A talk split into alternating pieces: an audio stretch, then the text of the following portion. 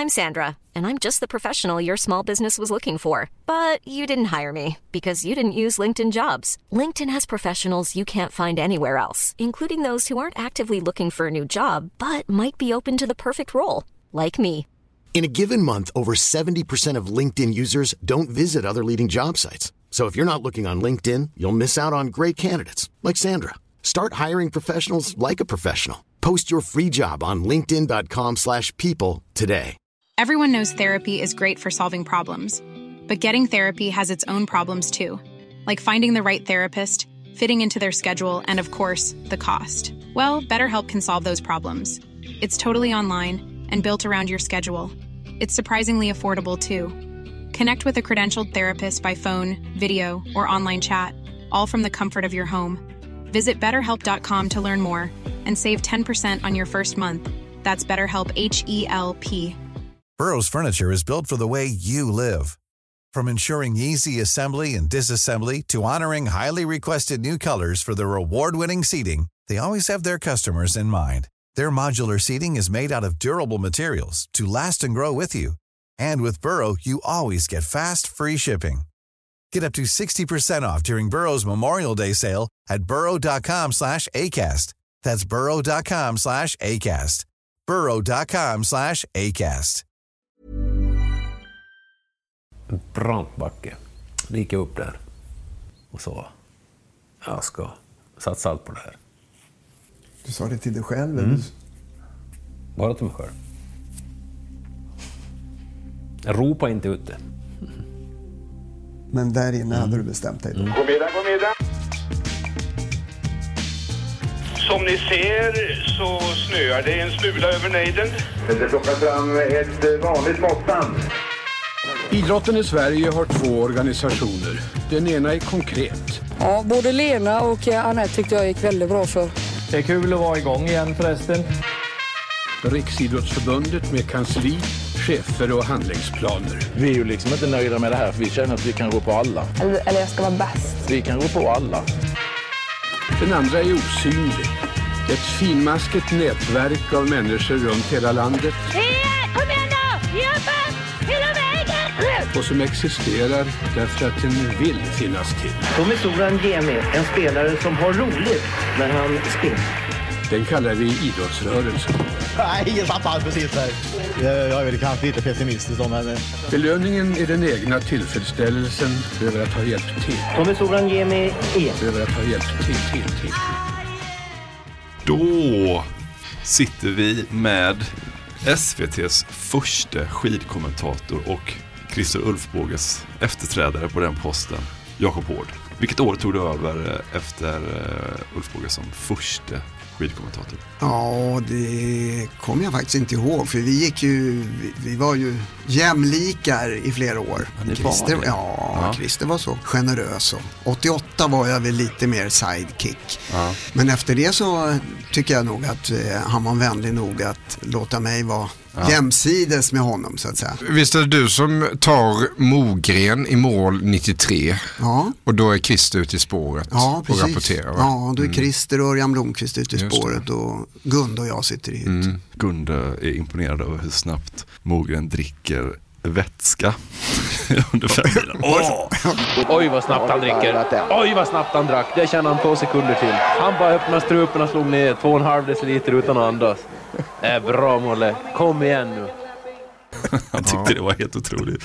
Han gillar det för han sparar tid då. Exakt. Han håller i stavarna längre tid så, och bara lite tid. Han behöver smälla i sig den. Du är här Jakob för att du är aktuell med en tredelad dokumentär om just Gunde Svan. Mm. Skidåkaren som när ni lyssnar på detta publiceras den natten till imorgon. Alltså onsdag 31. Ja. Har det varit spännande? Ja! Men vad roligt. Det är så här många känner Gunde Svan. Som energisk programledare i populära underhållningsprogram i mer än 30 år. Jag tror du får byta sätta på lite lämpligare, annars kommer jag ingen att vilja krama dig någon mer. Vi drar vidare och du sätter på en torr och ren tröja. Men det här är historien om en annan Gunde Svan. Om han som blev den bästa skidåkare världen dittills hade sett. Han har vunnit 15 kilometer i Sarajevo. Han vann tremilen för en vecka sedan. Han är olympisk mästare på stafett. Och nu vinner han också femmilen. Vilken fantastisk skidåkare detta är. Minns du när du träffade Gunnar Svan första gången? Nej, det gör jag faktiskt inte. Nej, jag, jag minns inte det. Var du, var du i Sarajevo 84? Nej, det var jag inte. Alltså, jag hade inte börjat med skidor då. Jag vickade ju i Falun på radion när Åke Strömmer i Vredesmod hade sagt upp sig efter, eh, ja, ja. efter Sarajevo. Hasse Johansson fanns också i Falun som jobbade med skidorna. Och då fick jag ett vick där uppe just för att jag ville göra lite skidor.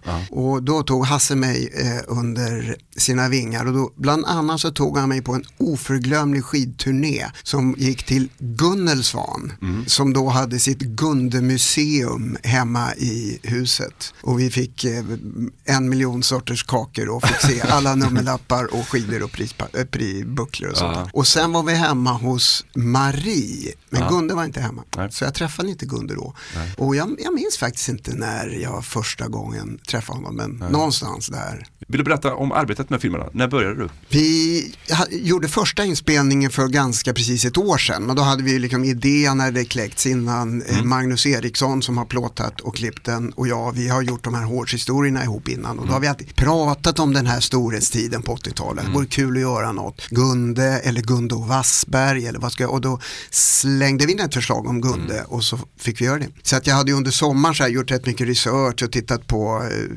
förra sommaren alltså tittat på eh, arkiv och sånt där. Men sen åkte vi och träffade Gunde första gången strax före Vasaloppet eh, i fjol. Hur var han inställd till eh, projektet? Ty- Tyckte han fan vad kul eller kände han ah, Någonting mitt emellan skulle jag säga. Han var, eh, han var nog ganska snabbt med på noterna men Ja. liksom det första han frågade var ju så här, hur lång tid tar det? Ja. Hur många gånger behöver ni träffa mig? Hur mycket tid kommer ni ta i anspråk? Det var liksom det han ville veta. Det var det viktiga.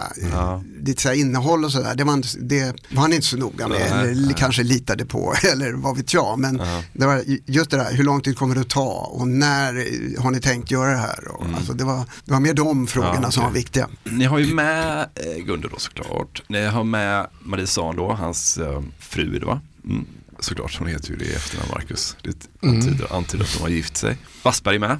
Wassberg villig att ställa upp, inga problem. alla de här som är med har varit väldigt villiga att ställa upp, vilket har varit en av de roligaste grejerna. Att det verkar som de tycker att det har varit rätt kul att berätta om. Och jag har ju frågat mycket mer än det som har kommit i filmen, just om 80-talet och om, om dem allihopa. Vi hade någon tanke om att man skulle kunna göra någon så här bonusgrej som kanske inte blir av nu, om mer om, om det här fantastiska 80-talslaget. Så att vi samlade på oss mer material. Men alla, alla nappade och även till exempel Björn Dählie som är med också, som ju var rätt sådär avig mot norska journalister eftersom det har varit så här lite, han har haft, fått lite skattesmitarstämpel och han tycker att han har blivit eh, utsatt i norska medier och sådär. Men han sa, ja men det här vill jag göra. Ja. Så det var kul. Hur är det med det? Han är lite skygg som du säger och han har väl gjort en superaffärskarriär efter skidåkningen eller? Ja, så är det ju. Mm. Så vi träffade honom uppe i Åre där han hade ett stort byggprojekt Mm. på gång. Den första filmen då börjar ju hemma hos Gunde i Skamhed. Vad är Skamhed för ställe? Där har du varit ett par gånger nu. Ja, det är en liten by i Västerdalarna som ligger mellan Dala-Järna och Vansbro. Och när jag började googla lite för jag skulle kolla så här på Gunde Svans pappa och farfar och sen när man går bak och så här född i Skamhed, född i Skamhed, född i Skamhed. Alltså många generationer bakåt i denna lilla, lilla by. Det är ganska fascinerande. Och hans mamma då på motsvarande sätt eh, i en annan liten by som ligger en knapp mil därifrån. Flera generationer bak. Ja. Så att de är verkligen rotade där. Pappa Hilding, Mm. vem var han? Jag träffade aldrig Hilding. Nej. Mamma var ju den som syntes och hördes och ofta fanns runt Gunde. Mm. Pappa såg jag aldrig till och träffade aldrig. Men han, han har ju, jag har ju förstått efteråt och har ju fått bilden att han var en, en mycket mer tillbakadragen person, en mycket eftertänksam person som inte gjorde så mycket väsen av sig som Marie säger i filmen tänkte först och talade sen. Och så var han, ju till yrket var han ju snickare, en duktig snickare. Det är bara några minuter in i den första delen så känner man ju det första hur det nyper till någonstans här i hjärttrakten. Och det är ju just när de får Gunde, det tyckte jag var otroligt starkt faktiskt. Hade jag ingen aning om. Ja, hon var gammal ja. Ja, hon var 43 Ja. och han var 50, över 50. 54 var han. 54. Ja. Och de har jobbat på det där och försöker få till det och så kommer den och så kommer Gunde. Ja. Av alla. Som om inte det vore nog så är det, barnet är Gunde liksom. Ja, jag tyckte att det var, det var starkt. Det, det tog på mig faktiskt. Ja. Och att det också kan finnas någon förklaring sen i eh, varför han blir den han blir. Och Ja. hur hon ser efter honom. Och kanske inte dalta med honom, eller? Gjorde hon det? Han kan inte vara daltad. va? Nej. Det är omöjligt, jag kan inte föreställa mig det. Nej, men nog inte daltat. Han har nog fått liksom en, en, en uppfostran också av det, liksom den gamla sorten. Det var inte ett hem med, som är med, där man levde i något överflöd på något sätt och liksom, man skulle göra rätt för sig och, och sådär. Det har han nog fått inpräntat från början. Däremot så har nog han fått ett liksom hundraprocentigt stöd av föräldrarna och inte minst av mamma. Och har fått en enorm frihet förstår man ju också Ja. att, att liksom göra det han vill göra. Ja. Det är två, jag, jag tyckte jag fick, den här bilden fick jag av dem när jag såg dokumentären att om man bara tar Gunnel och Hilding och blandar ihop exakt lika delar av deras personligheter så får man Gunde på något vis. Det finns ju en scen som är väldigt, väldigt, tänker jag mig i alla fall, talande för vem Hilding är. Och det är när Gunde berättar om, de ska bygga, är det ett garage Ja, eller en lada? Eller någonting? garage är det. Ja. Hilding är snickare. Och när han som pensionär ska bygga Gundes garage vill han göra det på gammalt hantverksmässigt vis. Men varför då, sa jag. Tror du hus eller garage hoppar av grunden om inte vi gör som det var gjort då för hundra år sedan, tycker jag. Då kryper det frakta sakta fram. Tänk om de river det här om hundra år och ser hur vi har fuskat. Då var han 80 år, gubben. Och det är ju när man vet hur, vilken noggrannhet som präglade Gunde Svan i allt han företog sig. Alltså grundligheten, liksom, aldrig fuska med någonting, alltid. Så är det väl lätt då, tydligt att få säga att ja, men där kanske han fick det ifrån. Ja, så tänker jag också eh, när jag hör det där, när Gunde berättar det där. Hela den Gundes berättelsen är ju, är ju nedkortad där, för det går flera turer där när, eh, när pappa eh, liksom vägrar befatta sig med det där garaget. Till slut då så går han med på det här. Men då får, då får Gunde skriva på en Eh, en av eh, liksom bräderna i botten att härmed intygar jag Gunde Svan att bla bla bla så här. Så att han tar på sig liksom ansvaret för att det är byggt på det där sättet.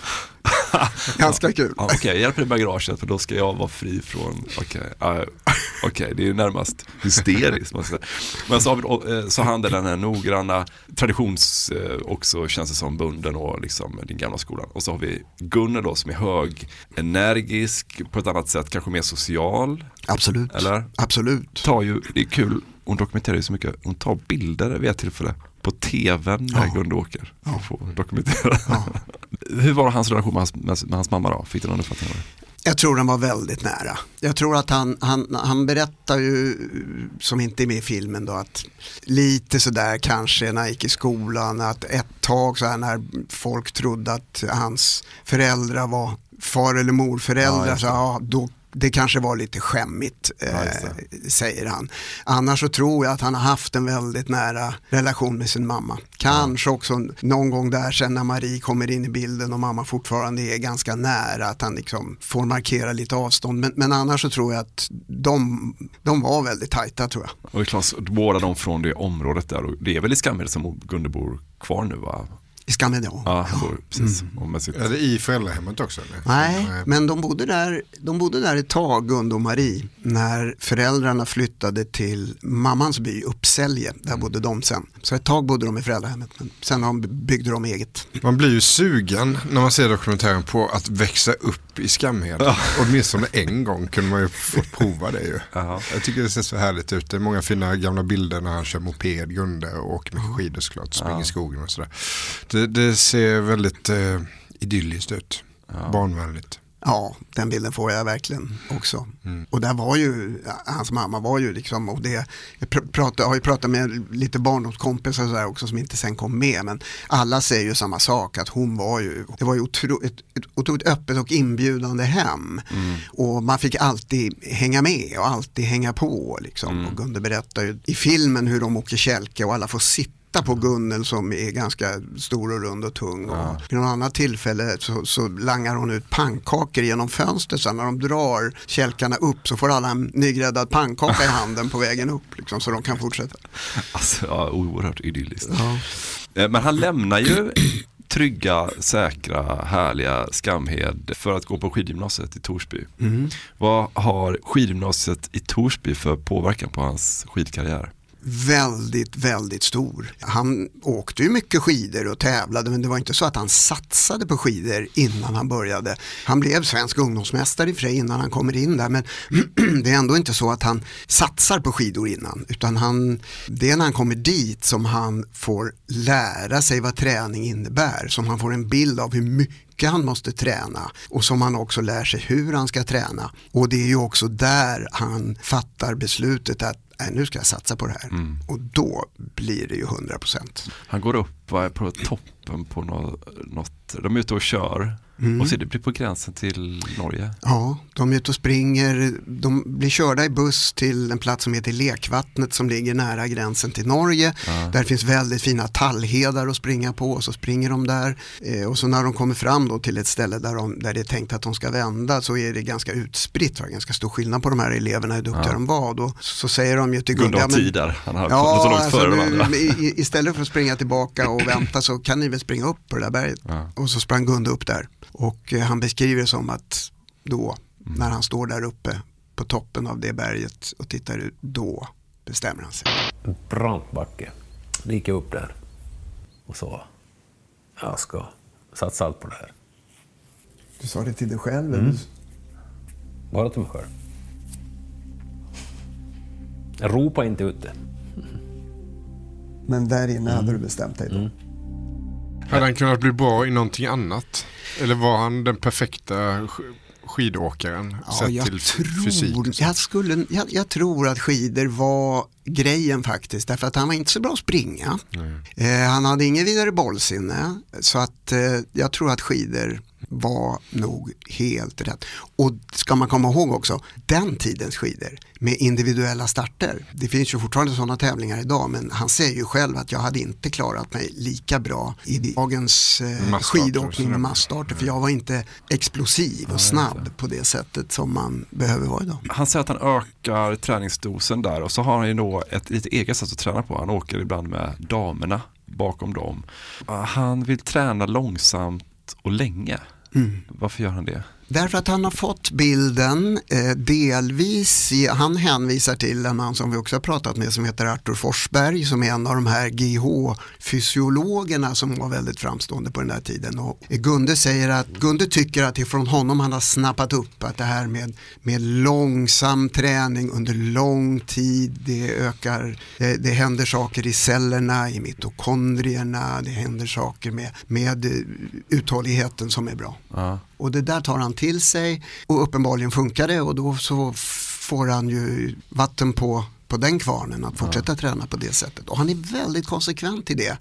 Eh, vi pratar ju med en kompis till honom som heter Christian Willman som är liksom lite grann hans parhäst på skidgymnasiet. Och Christian berättar att Gunde låg ofta bakom honom, Christian fick åka först och så kom det andra då och körde om och ville åka fortare, hetsa Ja. lite. Och då sa Gunde, nej nej nej, nej Christian, de där vet inte vad de gör, häng inte på, nu fortsätter vi. Han var väldigt, konsekvent och väldigt medveten. Är det tidigt ändå att ha den insikten kring det? Han är ändå ung, det är ju, jag menar gymnasiet liksom. Att redan då fatta så här att, eh, och tro väldigt mycket då på sin egen övertygelse där. Mm, de säger väl också till honom, tränarna på gymnasiet säger att nu får du, du får vara din egen tränare också. Ja, vi är tränare men det är du som kan din egen kropp sådär. Är det inte så? Det är ju typiskt för den här tiden. Ja. Den filosofin fanns ju på alla skidgymnasier. Det är ju någonting som alla de här som Mm. vi intervjuar säger. Vi skulle bli våra egna tränare. Mm. Vi fick lära oss hur man skulle träna, vi kunde ha de där tränarna som bollplank och visst var det gemensamma träningar. Men allt gick ut på att vi skulle lära känna våra egna kroppar och vi skulle bli våra egna tränare. Ja, det är ju intressant.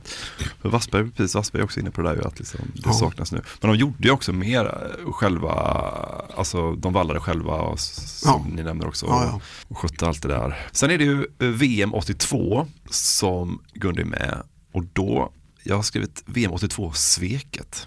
Mhm. För då vill han inte åka, eller han ställer in stafetten sent. Ja, han hoppar av stafetten som han är uttagen till eh, samma morgon. Ja. Och det är, har redan varit ett återbud i laget. Thomas Eriksson som hade blivit världsmästare på inledningsdistansen eh, har blivit eh, krasslig och blivit ersatt i laget och så hopp, vill också Gunde hoppa av då på morgonen. Ja. Så andra reserven som inte alls är beredd på att han ska åka, eh, som för övrigt är hans klubbkompis från, från, från byn, liksom, eh, från Dala-Järna, Sven-Erik Danielsson, han får hoppa in. Men han måste ut och valla sina skidor och, så, och det, det där blir inget bra. Efteråt så får ju Gunde berättigad kan man ju säga kritik för det. Ja. För att han hoppar av sådär sent. Ja, och hur motiverar han det utåt sett mot pressen att han inte kör? Skyller han på förkylning eller säger han att jag vill göra, satsa på annat? Jag ser någon artikel där det står förkylning men, men, men grejen är ju att han har ett junior-VM och det har hela tiden varit hans stora mål. Att få åka stora VM är en bonus. Och det är junior-VM han satsar på. Och det är därför han då inte vill åka den här stafetten.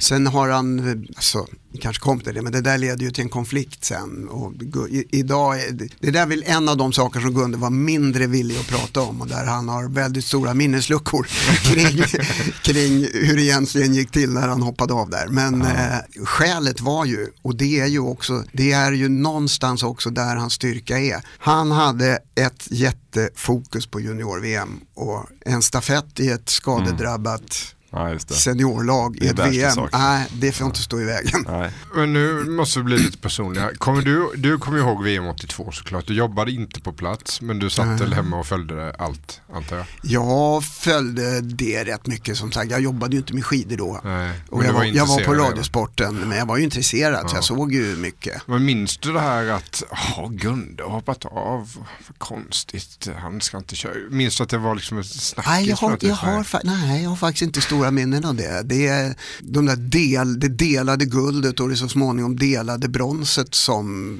jag kommer ihåg som den stora grejen. liksom, där. Mm, just det, som är stort i Norge. Vad är det? Norrmännen och Sovjet? Sovjet? Ja, just det. ja. Sarajevo, har vi ålder på honom Sarajevo? Han är, det borde vi veta. 22. Han är 22. Och här är Sarajevo, det händer ju så mycket. Vi har ju varit och grötat runt i Sarajevo vi också. Det är otroligt. Stämmer det att han var nere och fotograferade banan? Det gjorde han året innan.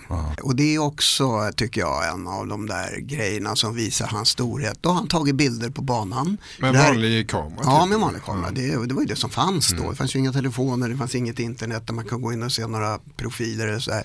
Utan han plåtade det där, hade det hemma. Jag vet inte om han hade det på kylskåpsdörren men jag för mig att han sa det. Eller i alla fall så när han tränade så han, han visste precis vad det var för backar han skulle möta och vad det var han tränade för. Och så kan ju ingen annan gjort innan på den tiden. Nej, det tror jag inte.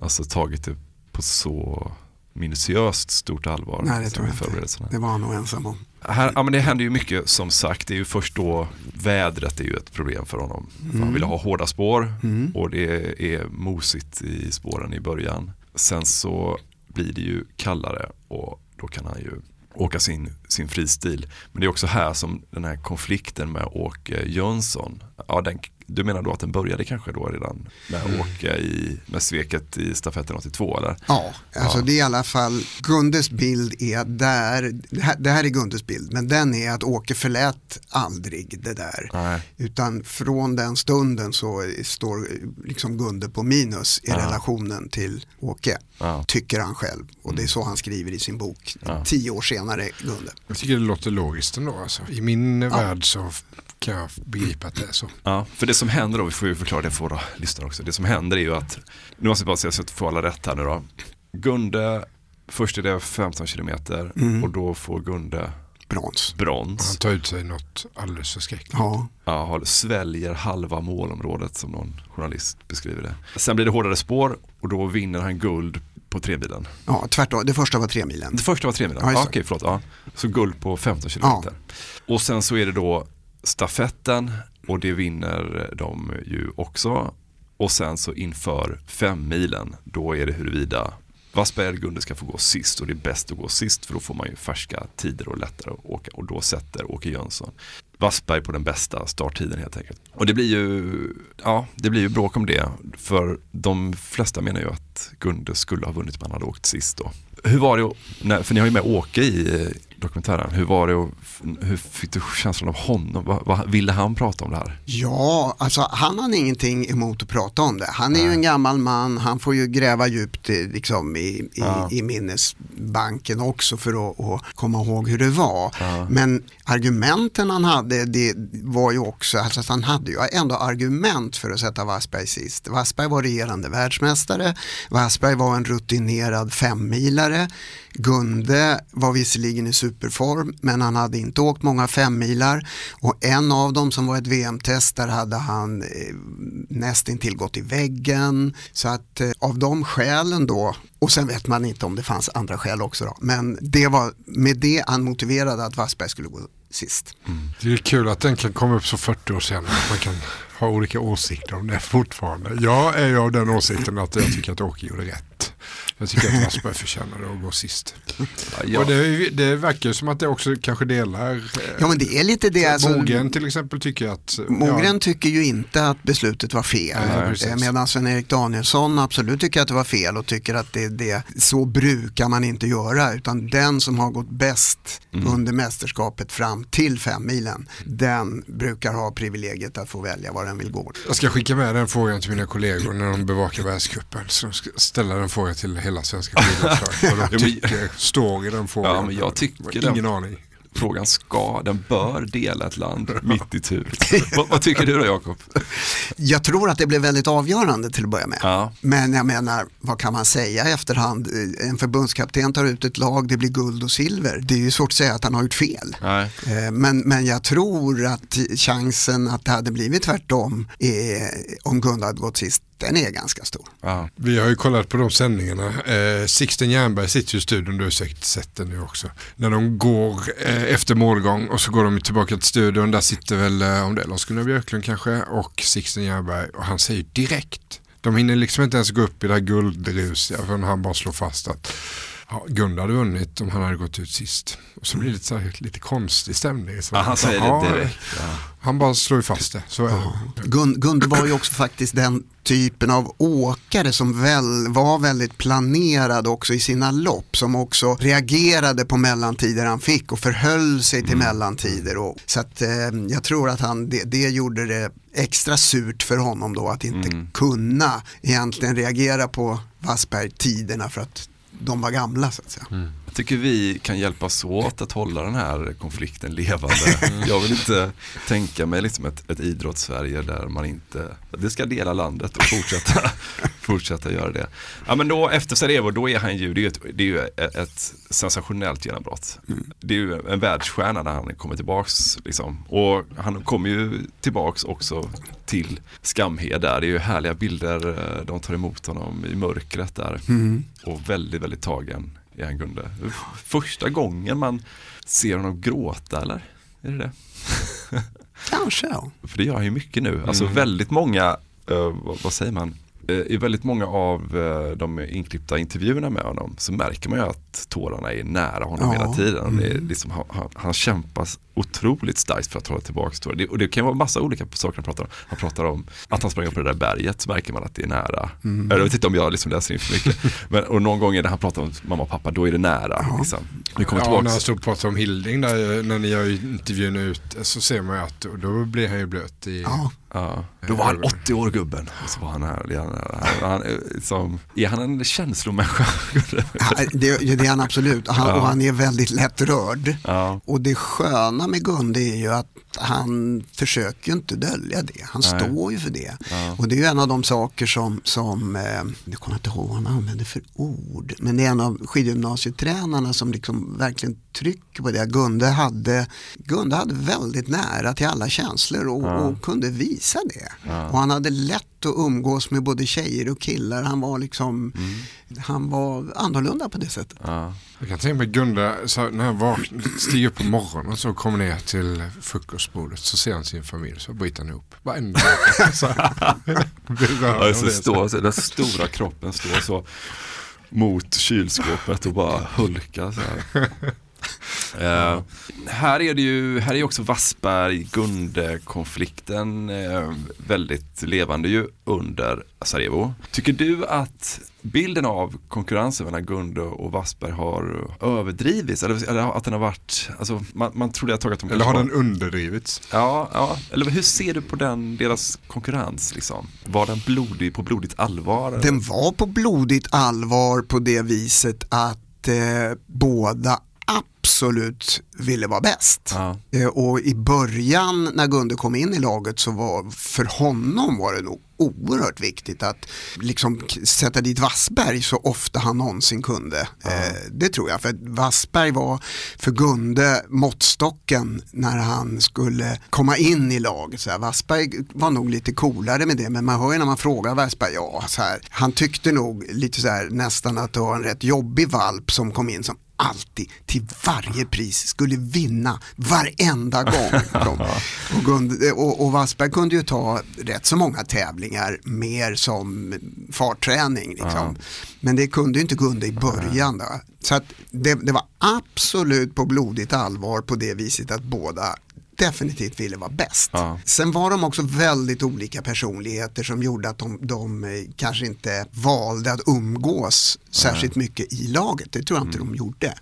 Däremot så tror jag, in, tror jag att de också hade en väldigt stor respekt för varandra. Ja. Jag tror inte att det var liksom någon, någon, någon, någon fiendskap eller att eh, de, de på något sätt tyckte illa om varandra. Jag tror att Wassberg kanske så här, kunde, han säger där men Gunde och alla, alla de här matlådorna, det där tyckte vi var lite löjligt. Och Han hade juniorfasoner för sig. när Han kom, så, här. så kunde det väl vara, men jag tror att det växte fram en oerhört stor respekt mellan de där två och liksom ingenting annat. Och att de faktiskt också lärde sig saker av varann utan att, men de tränade till exempel aldrig ihop. Jag tycker Wassberg är en, liksom, han, han, jag får hela tiden varje gång man får nya bilder av Wassberg. Ja, men till exempel så här, eh, när han delar med Meto då, eller en hundradel före, då säger han i en intervju så här, det, i intervju till dig säger han, det, för, det var för lite. Liksom. Och intervjun direkt efter så säger han, han tycker synd om Meto. Sverige har fått guld på 15 kilometer skidor i OS i Lake Placid. Oj, oj, oj, vilken gastkramning! En hundradel efter en och en halv mil. Ja, det är otroligt. Det är synd om Geta. Du tycker synd om honom? Ja, det är jag faktiskt. För han hade varit värd det här. Men själv måste du vara lycklig? Ja, det är roligt.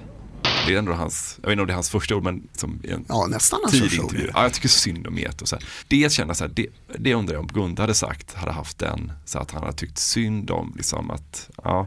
Men, men sen Wassberg, han är, han är väldigt mån om att vinna stafetten Wassberg, alltså han tycker om det här med lag, eh, ja, i Sarajevo är han jättemån om det liksom och har tänkt ut en strategi för hur de ska vinna och sådär. Och sen, samtidigt då det här vresiga, men nu också när han sitter framför kameran i din dokumentär så är han ju, ja, det känns som att han har mjuknat lite. Han är lite, han ler mer, fnissar ibland och liksom, man vet nu också att han och Gunde är ganska bra kompisar och umgås nu för tiden. Så tycker, du, tycker du att Wassberg har förändrats? sen Han, var- han har gjort en resa. Han har gjort en resa. Ja men det har han väl gjort, Ja. tror, inte, inte dramatiskt men, men alltså eh, men, men absolut. För att vara Wassberg är dramatisk. Ja, kanske. Jo men eh, det har han väl gjort lite grann, det, det, det kan man nog säga.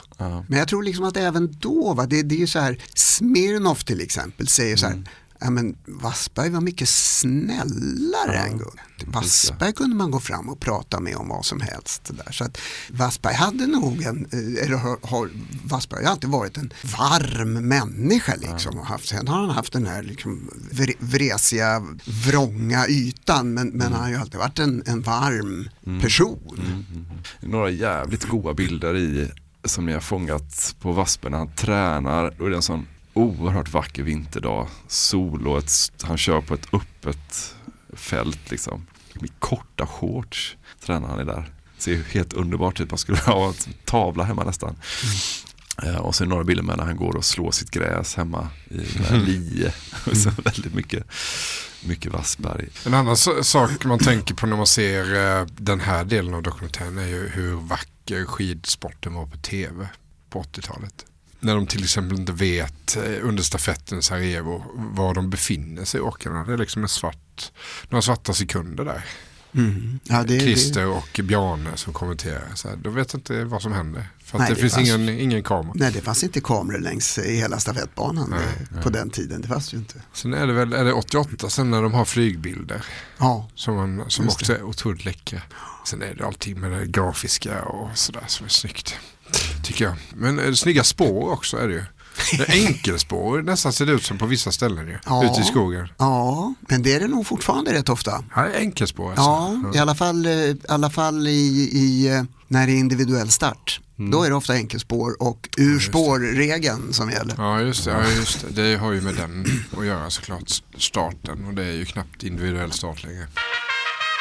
Titta hur han han lyser fram. Det är en syn av förtjusning att se honom. Hyland, Hyland, Hyland. Det är dags att hylla våra Hyland-prenumeranter. Och den här veckan blir det som så att det också finns ett undervisande element.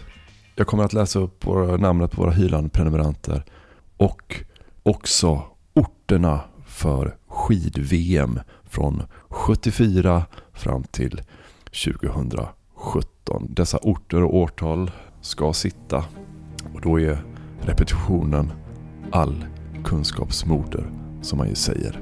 Stort tack kära Hyland-prenumeranter för ert frikostiga stöd.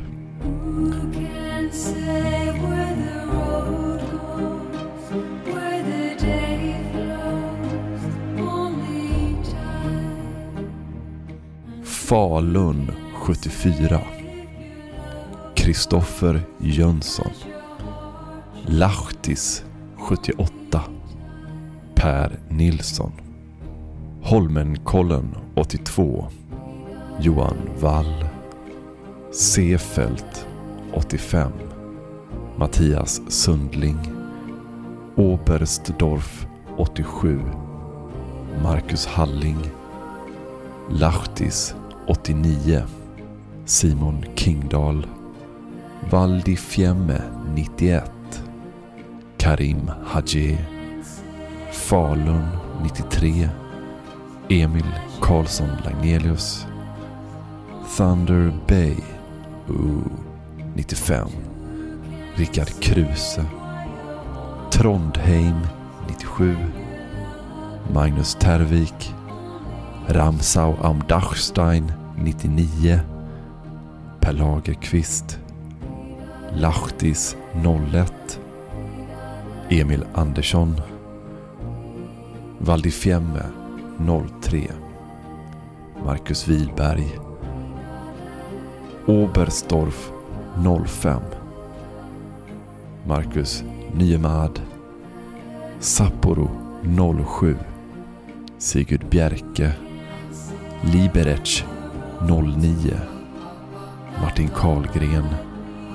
Holmenkollen 2011 Valdifiemme 2013 Falun 2015 och Lahtis 2017.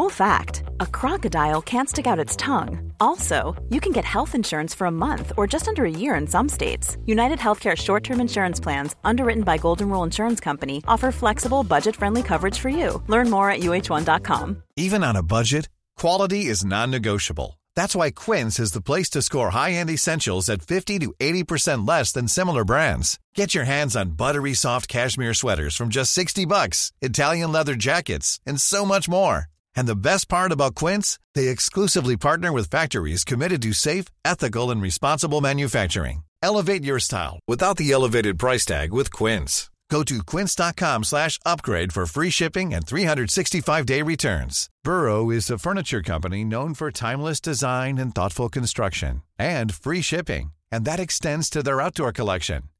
Their outdoor furniture is built to withstand the elements, featuring rust-proof stainless steel hardware, weather-ready teak, and quick-dry foam cushions. For Memorial Day, get 15% off your Burrow purchase at burrow.com slash ACAST and up to 25% off outdoor. That's up to 25% off outdoor furniture at burrow.com slash ACAST.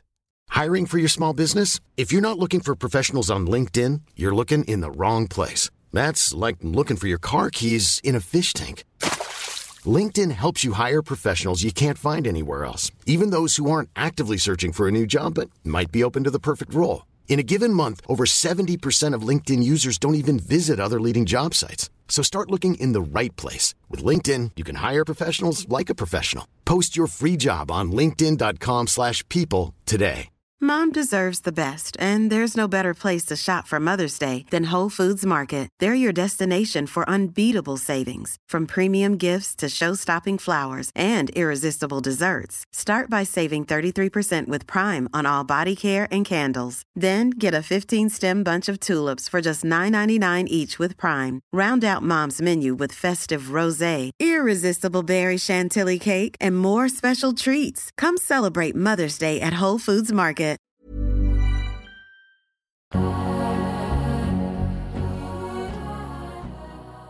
Ska vi tugga oss fram då? Oberstdorf 87. Mm. Då inför man klassisk och fri stil. Och det, är det första gången man kör det då? Ja, det är ju det efter det stora kaosåret Ja. 85 som ju är, är liksom den, den verkliga brytpunkten som de, när man pratar med dem, de ty tycker att det var ett mörkt år i skidåkningens historia när man skulle försöka förhindra skatingen med en massa konstgjorda hinder i banorna och de lyckades kringgå det där på alla möjliga sätt. Ja, nu är han inne i det svåraste momentet och han, han kommer snart att gå över till, eh, skridskos, eller till den här skridskotekniken igen. Där kommer det. Och det är det här alltså, det ska bort? Ja. Vi tycker att det här är inte representativt. Vi tycker att det här, här är- är inte skidåkning längre. Det var en parodi utan dess like. Det var snövallar, det var nät, det var vissa bitar som det inte var tillåtet att skejta och förbudszon, förbudszoner. Allt möjligt. Det tyckte jag var rätt roligt att, att få höra mera om. Jag, jag minns det inte så tydligt som det var där men de är ju verkligen så här att de tycker verkligen att det var helt crazy. Så 87, då är det för första gången i ett mästerskap delat. Det tyckte jag också var en jättebra del av dokumentären. Det visste Aha, inte jag. Jag visste ju att någon gång skedde ett skifte och, och den här amerikanen kände man ju till och sådär. Men att de höll på så där mycket. Försökte få stopp på det. Tidigare så ser man ju att de åker, när de åker klassiskt så skjuter de ifrån med en. Fick man göra det eller? Jag fick, alltså man fick ju, man fick ju åka hur man ville. Ah, det var ju okej. inget, det, det, det var inte så att fristil var förbjudet. För, Utan, men så får du inte göra idag när du åker klassisk eller? Skjuta Nej, inte när du åker klassiskt. Nej. Men om du skulle vilja göra så när du åker fri, nu finns det ju inget spår längre när du åker fristil, men om du vill stå med en, och bara sparka med en skida så får du göra det. För då hette det inte klassiskt, man sa inte ens det. Idag är det 15 km klassiskt. Då nej, sa- nej, nej, det, man sa det, var ju inte, det 15 var ju inte förrän man delade dem Nej, som man det, nej. införde den Såklart. terminologin överhuvudtaget. Utan det det. var ju så här, det där med att stå och sparka med en skida, den som har fått äran av att ha uppfunnit det, det var ju en finsk långloppsåkare som hette Sitonen. Så det där kallas ju på kontinenten kallades ju det där för Sitonen Alltså Sitonen steget. Och det var ju det första sättet man åkte, åkte skate på. Framförallt om man tittar på de gamla långlopp, man tittar på Vasalopp från första halvan av 80-talet. Då står de ju och sparkar med en skida nästan genomgående. Men de har inte vågat liksom släppa fästvallan riktigt än. Så det är ju en hybrid verkligen under de där åren. Men är det Gundes sätt att åka fristils på, eh, fristil på och att det är så framgångsrikt? Är det det som driver fram det?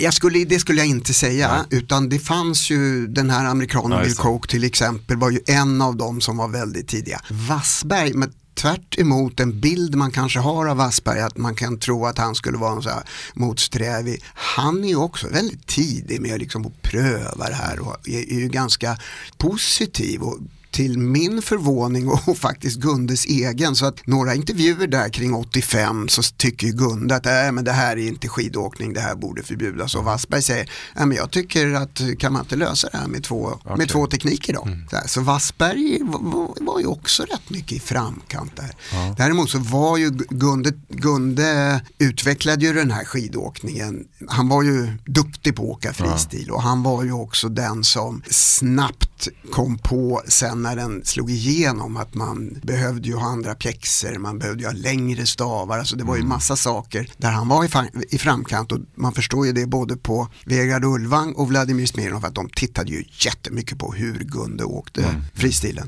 När den väl kom. Ja, han, är, han blir ju då han blir ju besatt av det här Gunde då till varje pris skaffa sig själv fördelar. Den här långa staven, är det ju, där får man ju också lite inblick i vilken närmast paranoid människa han är Gunde. För han är ute och åker med den här långa staven då, alltså en stav bara, det känner Mm. folk till.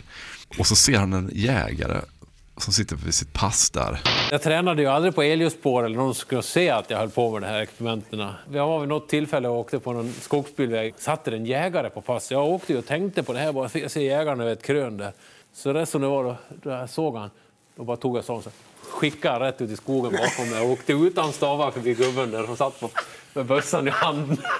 För att inte han skulle skvallra heller, då tänkte jag. Det är ju ändå, det är paranoia eller? Nej, jag, jag tycker inte att det är paranoia utan jag tror så här, Gunde är väldigt, väldigt beräknande. Han är väldigt, väldigt planerad. Han vet precis när den där staven ska plockas fram och han vill uppnå största möjliga effekt. Så han vill absolut att den ska vara hemlig till dagen före premiären i VM 85. Då tar han fram den, mitt på stadion och det blir ju bara, det, det, det får ju verkligen den där effekten han vill ha. Så att jag skulle inte kalla det paranoia faktiskt. Han, han gillar ju att utveckla saker och tror han att han är ensam om det om, och, och de ger honom en fördel, ja men då försöker han väl kanske hålla dem hemliga så länge det går. Men här med staven så hade han nog eh, så småningom då han upptäckte att fasen det här funkar ju. Det här. Men han vill göra ett debattinlägg och han vill att det ska få maximalt genomslag och därför har han bestämt att det är då den ska fram och då får du ju inte ha pyst ut någonting innan. Men är det, är det ett PR-jippo eller är det att han tänker att får jag åka med den så kommer jag ha fördelar? För de, han får ju inte åka med den, eller hur? Nej. Där. Alltså han säger nu i alla fall att jag hade inte åkt mer än även om jag fick. Okej. För jag, då tycker jag att jag hade fått en orättvis fördel. Säger han. Däremot så tror han ju att hade det blivit tillåtet att åka med en sån stav så tror han ju att det kanske hade blivit så. Det kanske hade blivit nästa steg i utvecklingen av, av eh, fristidsåkningen, att man åkte med en enda lång stav. Och det tror ju Mogren också när han säger det. När jag såg honom, såg honom och såg hur fort det går så min första tanke var att nu jäklar har han kommit på något som kommer att revolutionera det här. Hade du velat ha den? Ja, jag säger så, varför inte egentligen? Eh, Det är ju lite coolt tycker jag. Ja. Ja, jag tycker inte heller egentligen att det fanns med att ha två för. Gustav Vasa åkte ju så. Jaha, okej, det gjorde han. Med en stav. Den här besattheten i alla fall av att försöka utveckla sporten och skaffa sig fördelar. Sådär. Han visar ju dig spetsarna, de här lättare spetsarna. Ja. Det är en annan sak, Jakob, jag skulle vilja visa dig. Vad som, jag skulle, som också varit lite pratat om. Det var med de här stavspetsarna. Den här är en original. Känn på den. Känn vad tungan är. Tre gram dural aluminium. Ett och ett halvt gram. Känner inte skillnad? Ett och ett halvt gram, jag har lite svårt att känna skillnaden. Hur mycket gjorde det då? Ja, hur mycket gjorde det då? det, det tycker jag faktiskt är det mest fascinerande med Gunde. Det är, det är de här grejerna han gör för, för psyket. Alltså han, han hittar ju en massa saker som verkligen eh, är materialutveckling. Men att gå ner ett och ett halvt gram på stavspetsarna, har det någon praktisk betydelse? Det är ju ytterst tveksamt. Ja, jag tror framförallt att det gjorde ganska mycket här uppe i, i skallen. När man står på start där och tänker på alla de andra som har så tunga stavar. Som, man får bilda sig en uppfattning om att jag har bättre och lättare grejer än alla de andra. han jagar hela tiden de där grejerna som boostar hans, hans, eh, hans självförtroende och ibland har de en praktisk betydelse, ibland förmodligen inte. Han hade en det kom heller inte med i filmen, han hade en sån här träningsmetod som han utvecklade för att han och Marie skulle kunna träna ihop. Han sprang och, och, och släpade en, en, en liten stock bakom sig när de var ute och sprang Ah. för att de skulle kunna springa tillsammans då. Ah, ja, ja. och eh, ja, han provade på alla möjliga sätt innan han hittade rätt med den där stocken. Men där säger Marie också, han var ju jättenoga med att det där skulle ingen få veta. Det där tog han inte fram på något träningsläger eller någonting sånt där. Och han säger, ja, om det är han eller hon kommer jag inte ihåg, men just det här, bara att han vet att han har tränat med stocken. Och det har ingen annan gjort. Ja, just det. det är viktigare. Det får honom liksom att säga att mm, jag har ett trumf på hand. Om det sen hade en, en praktisk betydelse, det vet väl ingen. Han, han har ju en med, vad ska man säga, en medberoende, säger man så, i det här hetsen kring tekniken då. Ferry, vem är Ferry? Ferry är hans serviceman, Ferdinand Grill, en, en kille från Österrike som representerar hans eh, skidmärke och som, som, kny, som är den som också skriver det första kontraktet med Gunde när han är ganska ung för det här skidmärket. Eh, han har fått i uppdrag, för de har mest haft åkare från Östeuropa, men han har fått uppdraget att försöka skapa en grupp med unga åkare från Norden. Så då gör han det och där hittar han Gunde och Gunde blir liksom det främsta namnet där och sen följs de åt genom hela karriären. Jag kände ju tidigt med Ferry att eh, han gick in för det här. Det var många av servicekillarna som gick ner i baren på hotellet sen och då klockan började bli sent och, och tog sig en öl med sina kollegor där och hade trevligt. Men jag såg att Ferry hängde kvar mycket längre än vad många andra gjorde i sin vallabord. Och deras personliga relation klarar ingen av dem att sätta ord på. Han lärde sig mig innan utan. Ja, jag tror ni förstår ändå att det är därför jag har en son som heter Ferry. Där eh, förvrids ju Gundes ansikte fullkomligt när han pratar om Ferry. De verkar ha haft en oerhört nästan symbiotisk relation, eh, han och Ferry. Både han och, alltså båda de är ju väldigt tagna av det där.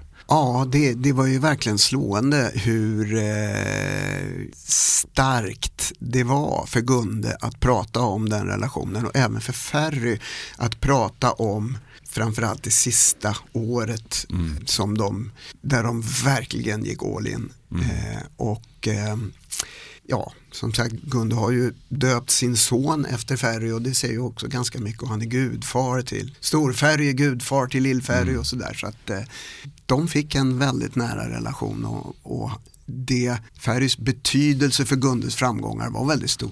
Vad tycker eh, Marie om Ferry? För att Ferry är ju med på deras kombinerade tränings och bröllopsresa till Australien.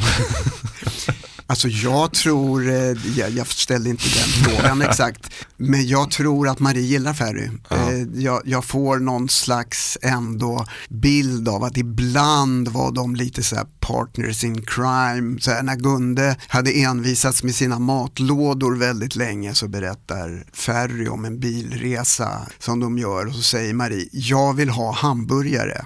Och så säger Ferry, det vill jag med. Och då till slut säger Gunde, jag också. och så äter de hamburgare och bryter den här liksom, frysta matkedjan. Ja, gott. Så jag, jag, jag tror, eh, jag vet, jag har ingen aning om relationen mellan Ferry och Marie. Men, Nej. men jag har ingen anledning att tro något annat än att Marie gillar Ferry ja, men okej. Ja, men det är skönt att höra. mycket. Gunde betalar ju halva hans lön, Ferry, för, Ja. för att kunna använda honom fullt ut så att säga.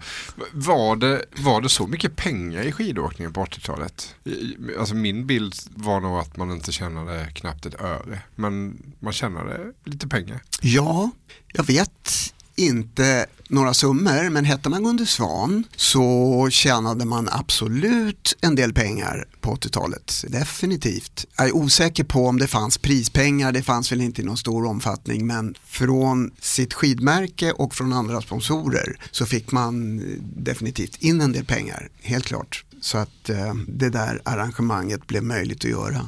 Att han liksom köpte loss. För Ferry servade ju bland annat Gundes konkurrenter då, de ryska åkarna, åkte på samma märke. Men där säger ju Smirnov, ja, Gunde fick alltid det bästa materialet och Ferry jobbade 90% åt Gunde men det var så verkligheten såg ut. Men där vill ju Gunde gå hela vägen och ta steget fullt ut och det är väl där någonstans också som han helt själv släpper kontrollen liksom, till Ferry. Vilket jag tror är ett oerhört långt, stort steg för Gunde att ta. Det tar lång tid tills han får förtroende till någon person överhuvudtaget. Men sen är det, om han har förtroende, ja då har han blind förtroende. Jag tror att Gunde litade så otroligt mycket på Ferry så att han ville ha den här lösningen och han kunde också känna att han kunde tryggt släppa allt det där Ja. med skidorna till Ferry. Han gör ju reklam tidigt ju. Mm. Gjorde Thomas Wassberg någon reklam? Har du stött på något sånt? Han satt inte i Eh, tv. alltså, han, han, hade, han hade alldeles säkert en del. Men, men Thomas säger, när jag intervjuar honom om det, så säger han liksom att nej men Gunde var ju den ledande i det där också. Jag var lite försiktigare, var lite, så han uttrycker här, mjukare när det gällde det där. Men han, han säger att Gunde, Gunde tog ju den utvecklingen ett steg längre än alla andra. Vad skulle du vilja köpa som Wassberg gjort reklam för? En lie? Nej, men eh, ett underställ. Ja. Utan tvekan. Ja, ja man kan köpa. Kul om Wassberg går och försöker kränga liar så det är ingen som använder det. Vi har gräsklippare nu. OS i Calgary, då, då kulminerar ju det här med matlådorna. Där får man ju också lite känslan av att så här, de andra kanske bara, så här, Gunde, all den här maten liksom var, var ja, Wassberg säger det ju rakt ut, men också att han är bra på att ta plats Gunde med. Att han behöver det här för att förbereda sig och då får Mm. folk fixa det liksom. Det är väl Marie som nämner någon gång att han är ensambarn Gunde. Har du fått den bilden med av att han inte var en lagspelare alla gånger? Han satte sig själv först på något sätt. Och, Absolut. Ja. Absolut. Sen tror jag att eh, de i laget som ju var liksom starka individualister allihopa, de förstod det och de accepterade det också för att Gunde var bäst. Mm. Eh, Det säger ju Jan Ottosson också till exempel. Mm. Men eh, det är nog absolut så, och Marie är ju väldigt tydlig med det, att Gunde har en fantastisk förmåga att alltid skapa det bästa för sig själv. Mm. Och det har han nog gjort i landslaget också. Har han självinsikt i det? Eller tänker han själv att han är en lika liksom, eh, vad ska man säga, solidarisk som alla andra? Eller är han medveten om att ja, men jag gör så här och jag lever med det? Jag tror att han är jättemedveten om det. Samtidigt så är han ju också, alltså, och det har ju många stycken, han var ju en tillgång i gruppen också. Mogren säger att nej men Gunde var ju, han var ju, han var en jättebra kompis och han var en tillgång i laget. Så, men det är ju så här, han får ju åka bil med Ferry i Alperna så det går på sex timmar medan resten av laget sitter och skumpar buss i tio timmar. Men då kunde han säga, ja det finns en plats till i bilen, är det någon som vill hänga med? Sådär. Men, men liksom, där såg han ju till att göra det bästa för sig. Och så gjorde han nog i väldigt många sammanhang. Och samtidigt så har han ju den här positiva energin, han är ju liksom eh, också en människa som drar med sig andra. Så att han är nog också en tillgång i gruppen samtidigt som allt han gör är för sin egen skull. Och han säger ju det också att det var nog en av mina bästa egenskaper. Jag brydde mig inte om vad de andra tyckte. Nej. Och det säger ju Marie också om ma- mamma Gunnel. Hon brydde sig aldrig om vad andra människor tyckte om vad hon gjorde. Ja. Hon bara gjorde. Så där har han nog fått den delen. Vet du vad han hade med sig för mat till Calgary? Vet man det? Vad han åt i de där konstiga förpackningarna som var. Var det fryst mat? Ja, det var fryst mat ju. Det var det. Eh, eh, exakt vad det var vet jag faktiskt inte.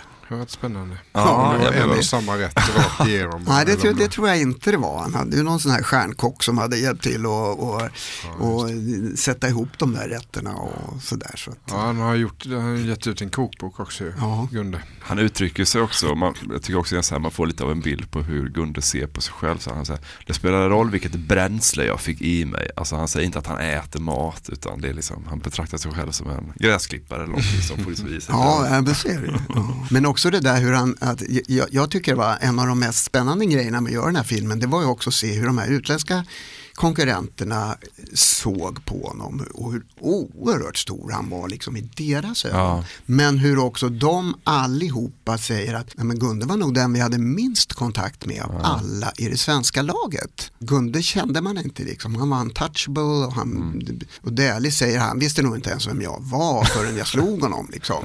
Så här, lite överdrivet kanske, men, men alltså på den Ja. bogen. Och så när jag konfronterar Gunde med det, så han, ja, men jag förstår inte vad jag skulle vinna på att skapa någon kompisrelation. Jag fattar inte det. Nej. Så det, det tycker jag också visar vem Ja. Mm. han var. Va? Han, hade, han hade sin plan, han skulle göra sina grejer och att då försöka liksom vara polare med konkurrenterna, nej, det fanns inte på hans, han förstår, inte, förstår nästan Nej. inte frågan. Nej.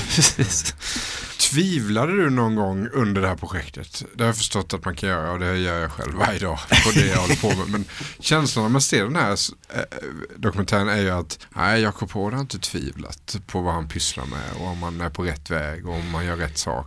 Det har nog varit ovanligt lite tvivel faktiskt. Jag brukar kunna ha, drabbas av svåra tvivel i, när man gör sådana här långa berättelser. Och det har funnits nu med. Jag tänkte, men håller här? Är det så intressant? Och, och de, som, de som inte är intresserade av skidor, vad ska, är det här verkligen någonting? Är det, här, är det en historia värd att berätta? Och sådär? Men det har inte varit några djupa tvivel och framförallt så var det så att vi kom igång väldigt fort med klippningen och så var det några eh, som fick se det där och som tyckte, ja men det här är skitbra och då kände vi, ja men nu.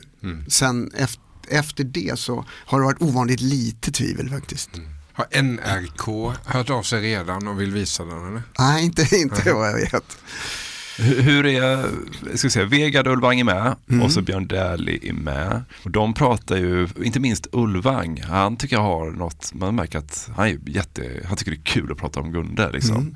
Hur såg norrmännen på Gunde då och hur ser de på honom idag? Norge var ju en svacka då och eh, Ulvang är ju ett år yngre än Gunde och väl tror jag ja. och, och Dählie är ytterligare några år yngre så att Gunde och Gunde var ju väldigt tidig med sina framgångar så att han låg ju liksom före i spåret och det är ju det som är tydligt är ju hur de såg upp till Gunde och till svenskarna mer än vad jag trodde jag skulle få höra faktiskt. Dählie säger ju att, att ja, men jag, jag, jag förstod inte hur det skulle vara möjligt att åka skidor så där fort. Jag tänkte jag kommer aldrig kunna åka skidor så där fort. Och Ulvang säger ju utan, vi tittade ju på Gunde hela tiden och utan Gunde så hade det inte blivit något norskt skidunder på 90-talet. För vi var ju tvungna att snappa upp allting och det var Gunde som hade lagt ribban. Bilden jag får är ju att de verkligen, eh, han var verkligen den man tittade på.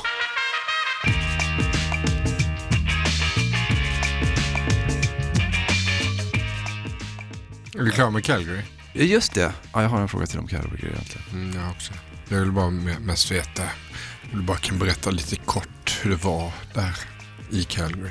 Vi bodde ju, Christer Ulfbåge och jag, vi bodde ju eh, nära skidorna. Eh, så vi var ju inte i Calgary nästan någonting. Utan vi var ju där borta där, där skidorna gick. De gick i Canmore, vi bodde i Banff. Och det var ju, längdskidor är ju inte stort där borta. Så det var ju inte jättemycket publik eller sådär. Men du, du, delade ni rum eller varsitt rum? Eller Nej, ja, lägenhet? vi, hade, vi hade varsitt rum. Vi bodde mycket bättre än de som bodde Alltså, i ja. Calgary kan jag säga. Vi bodde på ett jätte... Alltså Banff är en sån här vintersportort så vi bodde ju, vi bodde ju fint, Bågen och jag. Det var, det var jättehärligt. Och det var också så en illustration till ändå hur tiderna förändras. Men det gick ju väldigt dåligt för svenskarna inledningsvis. När de hade gjort två usla klassiska lopp så här, ja men då då gick stora delar av laget, nej, men då gick de ut och, och tog en bira. Och då, med, och, och, på samma ställe där satt ju flera journalister. Så här, men Just det det. var, då, då, då, Fan, tog man, då tog man några öl för att det skulle vända. Gunde också? Nej, inte Gunde. inte Gunde.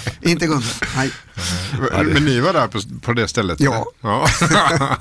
ja Jo, men ringer inte en Jo, eh, jag känner igen en detta också. Det, det är möjligt att du har berättat tidigare kanske, eller så har jag läst det någonstans. Eller, jag känner igen det också. Ja. Blev det rubriker av det då?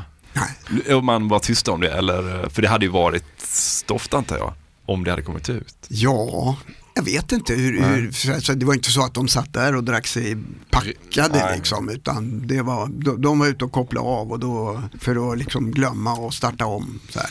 Hade ni reporteruppdrag där också, du och Christer? Eller, eller kunde ni verkligen bara gå in och... Nej, där var vi bara kommentatorer. Okej. Men ni hade en del fritid då också? Även om det är mycket Ja då, förberedelser? ja då. Ja. Fasen vad härligt.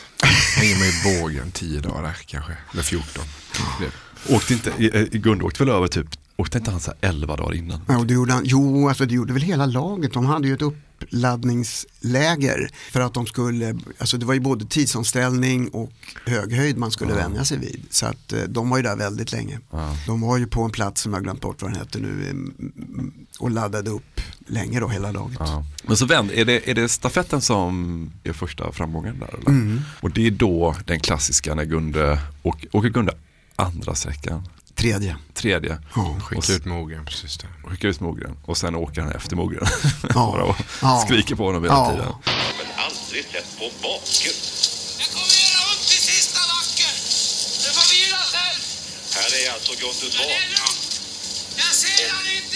Skriker åt Torgny. Och då betyder ju stafetten onekligen någonting för Gunde där. Det var ju härligt att Ja, se. men alltså jag, jag tror absolut, alltså stafetter, det är inte så att stafetter inte har betytt något för Gunde bara för det där avhoppet 82. Utan, Det sitter djupt i mig. han, han, eh, han gillade nog stafetter, särskilt eh, ja, men liksom det var ett bra lag som kunde vinna. Då. Och han har ju kört, det var ju också något som inte kom med, men det var ju fantastiska dueller mellan Dala Järna och Åsarna på den här tiden på klubbnivå. Då körde ju alltid Gunde. Och de hade ju, de hade ju, då var det ju för sig tre i varje lag, men det var ju liksom, det var ju lag som hade kunnat vinna OS, vilket som helst av de där. Det var ju helt galet. Ja, eh, ja, det finns någon jäkligt god bild på när Gunde och Wassberg spurtar mot varandra. Den har jag inte sett. 1985 Borlänge åker båda sista sträckan i SM-stafetten. Jag tror att det är enda gången som de liksom båda har åkt sista sträckan och verkligen har mött sådär. Och, och båda böjer sig fram va? Över, mot mållinjen, är det inte så? Ja, Eller jag, jag, jag mig kom- nu, jag kommer inte ihåg riktigt, så här, men det var ju så här, nu är alla så drillade att man ska slänga fram Mm. tån sådär. På den tiden visste man väl knappt liksom vad det var som räknades. Men det är Wassberg vinner den där spurten. Wassberg vinner. Vad skönt på något sätt. jag tycker det är skönt när Wassberg vinner på något sätt. Så, ja. Men berätta om femmilen i Calgary. Ja, alltså, det, det tycker jag är en av de mest fascinerande historierna också. Jag tycker som, som jag sa, jag tycker alla de här grejerna som han gjorde som visade vilket orubbligt självförtroende han hade. Och, alltså, om, innan jag gör det, jag bara backar till 1985, så berättade Marie att när de kommer in på hotellrummet, för då får de dela rum, det är också någonting som Gunde har drivit igenom, att eh, liksom, par fick ju inte bo ihop innan, men det driver Gunde igenom att de får göra. Där är de båda på sitt, tillsammans på ett VM för första gången. När de kommer in på hotellrummet så hänger en lampett ovanför sängen. Och det första Gunde säger när de kommer in så här, där ska mina medaljer hänga. Och Marie liksom säger, ja men det var då, då liksom föll en pusselbit på plats till för mig. Då började jag fatta vem man var. Jag skulle ju aldrig våga säga något sånt. Jag kan inte hålla på och jinxa på det där sättet. Men Gunde sa, där ska mina medaljer hänga. Så han gjorde, han hade sådana här bilder, han skapade bilder för sig själv. Och en av de tydligaste och i, som jag tycker är häftigaste det är just inför Calgary 88. Då har han en stubbe i skogen och då har han bestämt sig för att han ska vinna femmilen i Calgary och han ska vinna den så överlägset så han har gott om krafter kvar på prisutdelningen så att han kan göra ett hopp upp på prispallen. Ett extra högt hopp så alla fotografer hinner plåta honom när han är i luften. Så efter varje träningspass så avslutar han med den stubben och så övar han på den där segergesten. Ja. Så han har gjort det, så när han liksom startar i Calgary då har han den där målbilden, han har övat liksom inte bara på att åka skidor utan han övat på hur han ska ta emot guldet. Den bilden har han haft hela året. Liksom. Och stubben finns kvar. Och stubben finns kvar, under, det var lite mossa att skrapa bort. Men i det, där, i det där loppet så blir det också väldigt tydligt vilken otrolig kontroll han har över sin kropp. För då är taktiken att han ska köra, han ska leda med en minut efter halva loppet. Och så ska han hålla den Mm. ledningen för att han ska, ja, ska kunna göra en segergest också. Lite Ja. såna här saker. Så oerhört underväldigande målgest bara. Och tänkte så här, "Ah, nu har Ja. han något spektakulärt. Han sträcker bara armarna, armarna mot luften. och så ler han lite och ser knasig ut. Liksom. Alltså, hoppar. ja, jo, men, hoppar, det är alltså, hoppet som är grejen. Jo, jo, men liksom när han kommer i mål där. Ja, ja den, det, men, det, men det där hoppet upp på prispallen som är, Ja. det är det han har Det varit. är också ganska ospektakulärt hopp. Det är inte så högt över där man hoppar han så här. Liksom. Nej, jämfört med mycket annat så är det kanske inte det. men det var så han ville ha. Ja, ja, men det är starkt att han... ehm, Ja, man hade ju några lopp i karriären. Han hade den femmilen. Han hade femmilen 85. De två säger han själv. Det kanske är hans bästa lopp. Där är, det är två sådana här lopp när han har full kontroll. Han kan precis bestämma när han ska åka. När han, Okej, nu leder jag med för lite. Ja, men då ökar jag väl på ett tag då. Och så växer ledningen så att den är lagom stor. Och så åker han ut och behöver liksom inte, för han sa det, jag behövde nya saker för att motivera mig. Det, och då var det nästa steg var inte bara att vinna utan det var hur jag skulle vinna. Det var att kunna vinna med finess. Att kunna vinna utan att ta ut det där sista som gör så ont. Och här kommer Olympiasegraren. 50 kilometer 1988. Svan sa ju häromdagen att det spritter fortfarande så skönt i benen. Så visst kan det här gå vägen.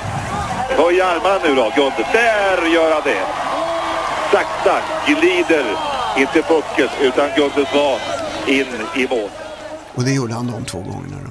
Det gör han ju däremot 89 när han går in i väggen. Då gör det ont. Ja, då gör det ont. Ja. Men lik förbannat vinner han. Ja. Det är inte så ofta man hör om någon som har gått in i väggen men ändå vunnit. Nej. Eller det brukar ju gå åt pipan. Ja, det rasar iväg på slutet mot Mogren där men det, det räckte. Och man ser nästan Mogen bara, fan nu då, nu då. Ja. Nu måste jag kunna slå honom. Han Ja. har ändå gått in i väggen. Och så bara, äh, på så ren sån jävla anamma så bara krigar han in den, det guldet. Det är nästan den största liksom, prestationen på sätt och vis. Får han ha bragdguld Gunde? Blev jag lite osäker. Ja, det fick han. Ja. Jag kommer inte ihåg när på rak arm, men han har fått det, är jag rätt säker på. Vi rör oss mot slutet då för VM 91 var det Fjämme. Han tvingar Ferry att prova ut 400 skidor åt honom Mhm. under den hösten 90 blir det väl då. Och här, eh, ja det är mycket här men han vinner tre milen. Och sen så, Mogren vinner ju fem milen och då är han så glad när han kommer in två Gunda så han åker rakt i famnen på Mogren. Ja. Och han säger att om Mogren bara hade varit lite snällare, hälften så, vad är det han säger? Hälften så snäll, han har vunnit dubbelt så mycket. Ja, och han är, ju, äh, liksom, han är jätteglad när han åker in efteråt och vet att Mogren åker rakt fram till honom, kramar honom. Ja. Och sen åker han inget stort mästerskap till. Nej. Och han är 29. Varför slutar han där? Jag tror att det är motivationen som tryter. Han kommer ju på sig själv också när han börjar fundera på det där att han blir så glad över Torgnys seger. Sen. Då blev jag lite rädd. För då tänkte jag, har jag tappat det? Kan jag, bli, kan jag glädja så här mycket åt att, någon, åt att bli tvåa? Då kanske det fattas någonting. Och sen är det ju så här att året efter så ska det vara ett OS på hög höjd i Albertville. Eh, Gunnar har aldrig riktigt trivts på hög höjd. Han visste att det skulle, och norrmännen börjar ju närma sig nu. Delhi. de vinner ju fler guld än vad svenskarna gör på här sidan 91. Norge vinner tre, Sverige vinner två. Så att konkurrensen liksom har ju skärpts också. Och Gunde vet att om han ska lyckas 82, eller eh, lyckas i eh, 92 i Albertville, då måste han göra en otrolig, liksom lång höghöjdssatsning och allt det där och det, är, det känner han, det vill han inte. Men året efter så är det ju ett VM i Falun. Så att han håller det där, han håller framtidsplanerna öppna faktiskt under hela 92. Tänker sig att kanske ta ett sabbatsår och satsa på VM i Falun. Och han säger att det var tur att jag inte bestämde mig när jag var i Albertville som expertkommentator för då var jag så sugen. Så då hade jag fattat fel beslut. Men jag sa till mig själv, nej du får inte bestämma det nu. Och så åkte han hem och så gick det en månad och kände, nej jag, jag har inte, det är inte värt att, att försöka liksom ta fram det här en gång till och ta fram ännu mer. För det som var typiskt för honom var ju att han kunde inte göra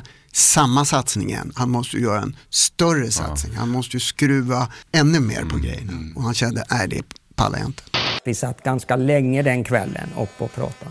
Och då sa han att, till mig att du, vad har jag att sikta mot nu? Nu är jag bevisligen världens bästa skidåkare. Det är som att stucka hål på en ballong.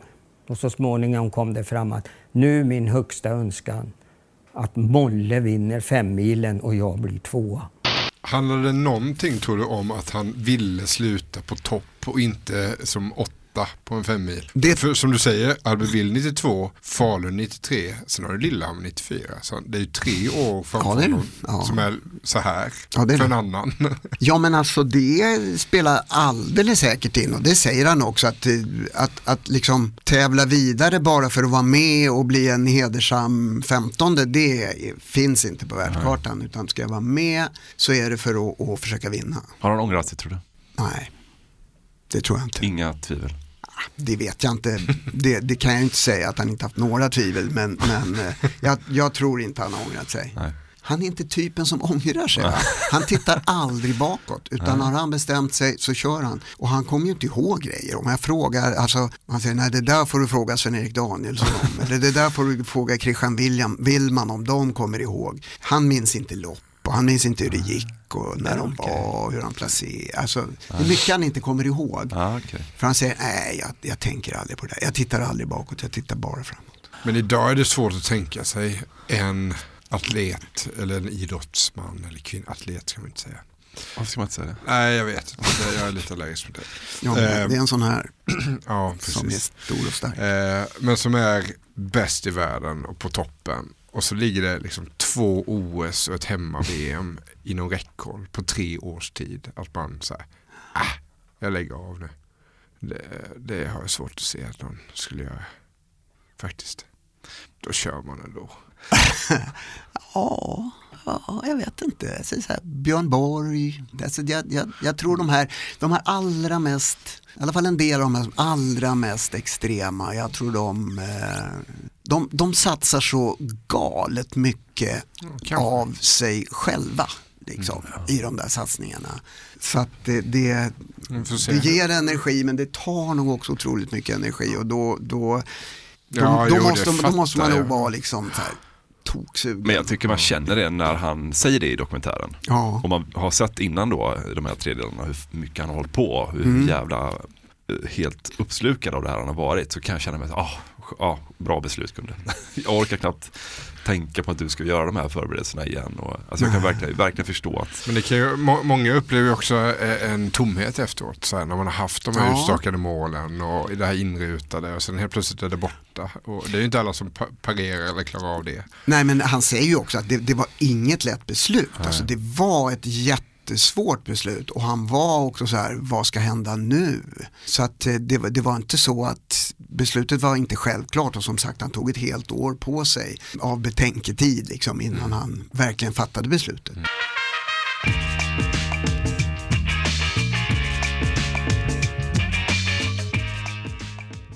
Kan du också få rysningar av att höra Christer Ulfbåge kommentera längdskidor?